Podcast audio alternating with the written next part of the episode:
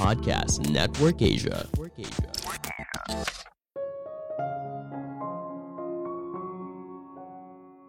Saat kita tidak bisa menemukan solusi terbaik, mungkin saja kita menjawab pertanyaan yang salah.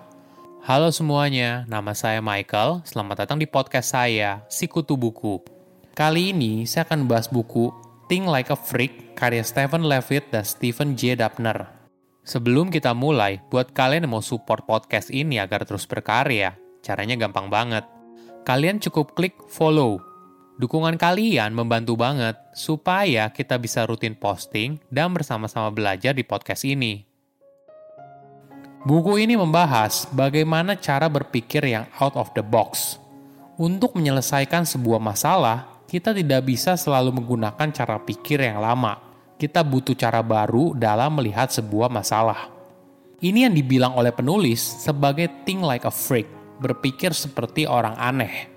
Hal ini memang tidak mudah karena pada dasarnya manusia tidak ingin berbeda. Mereka ingin sama agar bisa diterima di dalam kelompoknya. Namun jika kamu belajar hal ini, maka sesuatu yang awalnya tidak mungkin bisa menjadi solusi baru yang menjadikan hal tersebut menjadi mungkin. Saya merangkumnya menjadi tiga hal penting dari buku ini. Pertama, berpikir seperti orang aneh. Jika sebuah masalah lama masih muncul, maka besar kemungkinannya orang di masa lalu sudah berusaha untuk mencoba menyelesaikannya, namun gagal. Itulah mengapa kamu butuh pemikiran yang out of the box. Bayangkan seorang pemain akan melakukan tendangan penalti dalam ajang sepak bola Piala Dunia. Karena mayoritas pemain menendang dengan kaki kanan, maka mereka biasanya menendang bola ke arah kiri untuk menghasilkan tendangan yang lebih akurat dan kuat. Penjaga gawang menyadari strategi ini, jadi 57% penjaga gawang akan melompat ke kiri saat tendangan penalti dan 40% melompat ke arah kanan. Menariknya, hanya 2% di mana penjaga gawang memutuskan untuk diam di tengah. Jadi kamu punya peluang 7% lebih unggul untuk mencetak gol apabila kamu menendang ke tengah. Namun hanya 17% tendangan penalti yang diarahkan ke tengah. Kenapa? Karena hal ini melawan pemikiran umum di masyarakat Selain itu, coba bayangkan, apabila seorang pemain menendang bola ke tengah, lalu penjaga gawang dapat menangkap bola tanpa usaha yang berarti, tentu saja hal ini akan merusak nama pemain tersebut di mata para fansnya. Kita mungkin sering dengar istilah think outside of the box. Apa sih artinya? Mungkin sederhananya, kotak itu diibaratkan segala pandangan yang berlaku di masyarakat. Kamu mungkin mendengar ungkapan seperti ini. Iya, dari dulu memang seperti ini atau memang sudah dari sananya. Ungkapan ini biasanya diutarakan ketika seorang mulai menantang status quo. Itulah mengapa sangat penting untuk berpikir di luar kotak. Kita menolak untuk menerima kondisi yang ada saat ini dan berusaha mencari solusi yang lain. Ketika kita mulai berpikir kritis, kita sadar kalau akar masalah yang terjadi selama ini bukanlah masalah sungguhnya, namun hanya gejalanya saja. Misalnya seperti ini, apa yang menyebabkan kemiskinan dan kelaparan di sebuah negara? Sekilas, jawabannya mungkin karena kurangnya uang dan makanan.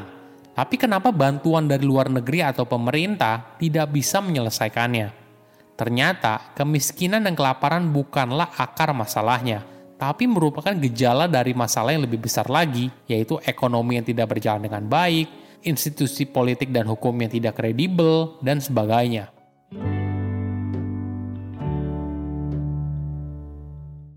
Kedua, jangan takut bilang tidak tahu. Saat kecil, apakah kamu pernah merasa tertekan untuk mengetahui semua jawaban, padahal sebenarnya kamu tidak tahu? Apakah kamu dibesarkan untuk tidak boleh menjawab "saya tidak tahu"?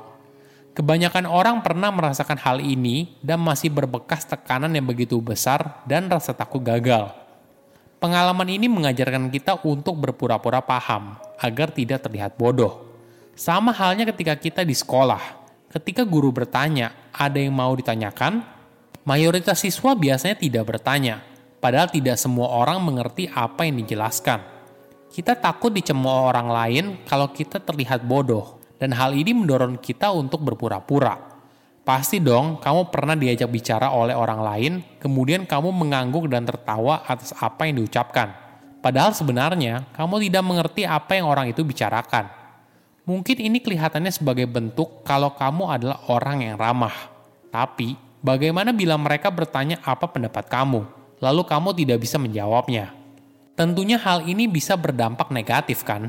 Ada contoh yang menarik.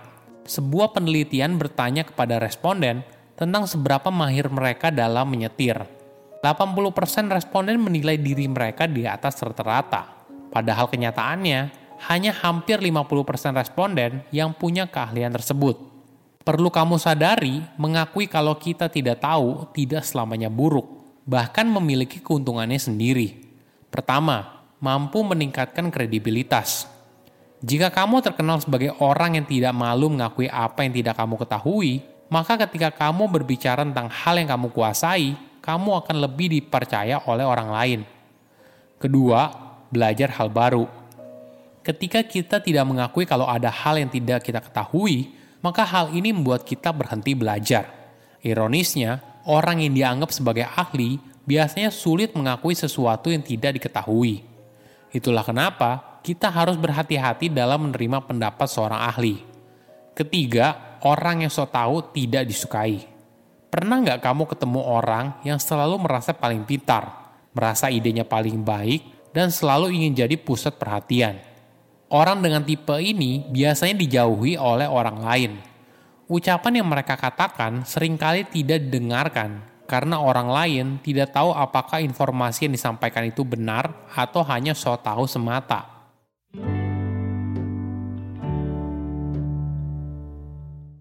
Ketiga, berpikir seperti anak kecil.